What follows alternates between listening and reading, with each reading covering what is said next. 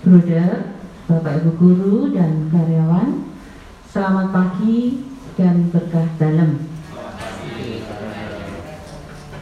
Uh, marilah kita hening sejenak, kita mengawali kegiatan pagi hari ini dengan mengucap syukur dan berdoa pada Tuhan agar aktivitas kita sepanjang hari ini senantiasa dibimbing dan diberkati oleh Tuhan.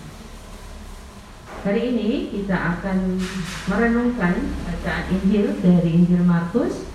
Anak-anak yang di rumah silahkan ikut mempersiapkan bacaan hari ini dari Injil Markus bab 16 ayat 15 sampai 18. Dan doa pembukaan pagi hari ini dari buku doa pelajar halaman 42 Selasa keempat. Marilah kita berdoa. Allah adalah kasih. Marilah kita mematakan kasih Allah dalam nama Bapa dan Putra dan Roh Kudus. Amin. Allah Bapa yang penuh kasih, kami mengucapkan syukur atas hari baru, kesehatan, dan sukacita yang boleh kami alami pagi hari ini. Kami mengucapkan syukur pula karena berkat bimbingan dan roh kudusmu kami boleh berjumpa dengan orang-orang yang kami kasihi. Kami juga bersyukur bahwa pagi hari ini kami boleh mengawali kegiatan pagi hari ini dengan berdoa bersama untuk akhirnya kami mendapatkan sukacita dalam melaksanakan aktivitas kami sepanjang hari ini. Bapak, kami juga berdoa untuk orang-orang yang kami cintai, Berkatilah mereka selamatan, kesehatan, dan bimbingan dalam melaksanakan semua aktivitas yang mereka kerjakan dan sudah mereka rencanakan hari ini. Sekiranya dengan bimbingan rohmu, kami pada akhirnya boleh mengalami sukacita bersama dengan orang-orang yang ada di sekitar kami. Saat ini kami juga akan mendengarkan firman-Mu. Berkatilah, bukalah hati kami Mampukanlah kami untuk mendengarkan dan kemampukan pula untuk melaksanakan dari setiap firman yang Engkau sabdakan pagi hari ini. Bapa, ini kami siap untuk membuka hati ini. Semoga Engkau selalu memberkati kami. Amin. Inilah Injil suci menurut Markus. Pergilah ke seluruh dunia beritakanlah Injil. Sekali peristiwa, Yesus bangkit dari antara orang mati, menampakkan diri kepada kesebelas murid dan berkata kepada mereka, Pergilah ke seluruh dunia, beritakanlah Injil kepada segala makhluk Siapa yang percaya dan dibaptis akan diselamatkan.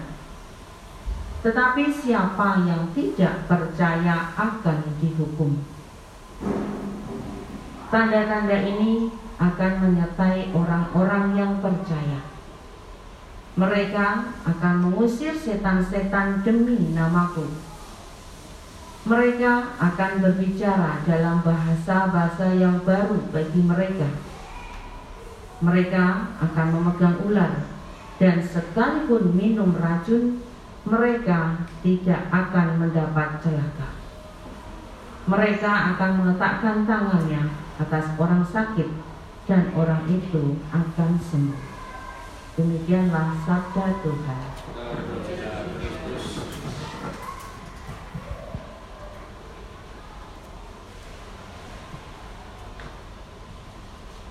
Ada sebuah cerita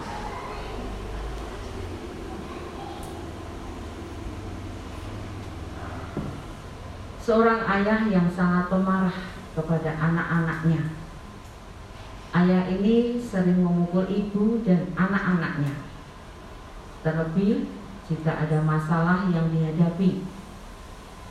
Suasana rumah tentu menjadi mencekam ketika ayah marah ibu dan anak-anak menangis dan tetangga pun tidak bisa membantu. Akhirnya ayah ini terkena stroke ringan. Perlahan-lahan ayah menjadi sadar dan berubah sifatnya yang kasar kepada anak-anak. Dari kisah ini kita belajar bahwa ayah tadi mau bertobat. Pertobatan merupakan momen di mana seseorang meninggalkan cara lamanya yang salah dan tak membawa berkat bagi kemajuan hidup diri dan sesama. Lalu memasuki cara hidup yang baru yang mengandalkan bimbingan Tuhan. Anak-anak, bertobat tidak harus menunggu kita mengalami peristiwa yang membuat kita jatuh, tersungkur, tak berdaya. Tentu setiap saat kita menyadari kesalahan yang kita lakukan, maka segeralah kita untuk bertobat dan tidak mengulanginya lagi. Dari kisah sang ayah yang pemarah tadi, kita bisa belajar bahwa hidup ini adalah pilihan. Kita ingin menjadi seperti apa? Apakah kita membentuk pribadi yang lembut dan murah hati atau ingin menjadi orang yang kasar? Tuhan tidak memaksa kita untuk bertobat, tetapi Tuhan selalu menunggu dan selalu mengingatkan kita untuk kembali ke jalan yang baik, untuk kembali melakukan perbuatan-perbuatan yang baik. Seperti kutipan Injil hari ini yang mengatakan, siapa yang percaya dan dibaptis akan diselamatkan, tetapi siapa yang tidak percaya akan dihukum. Maka marilah kita juga ke anak-anak yang di rumah selalu mendengarkan usapan Tuhan untuk segera bertobat dari perbuatan yang tidak baik agar kita bisa diselamatkan. Kita tidak perlu menunggu mendapat teguran yang keras dengan peristiwa yang pahit yang diberikan pada kita. Misalnya sakit parah, hidup menderita, dikucilkan, dan sebagainya. Tapi dengan bertobat kita akan diselamatkan dan tentu akan masuk ke dalam kerajaan surga. Selamat menjalani hari ini. Semoga kita semua dijiwai oleh hati Yesus sehingga senantiasa mengusahakan hidup baru dan semangat kasih. Amin. Marilah kita lanjutkan dengan doa pembuka dari doa pelajar halaman 42.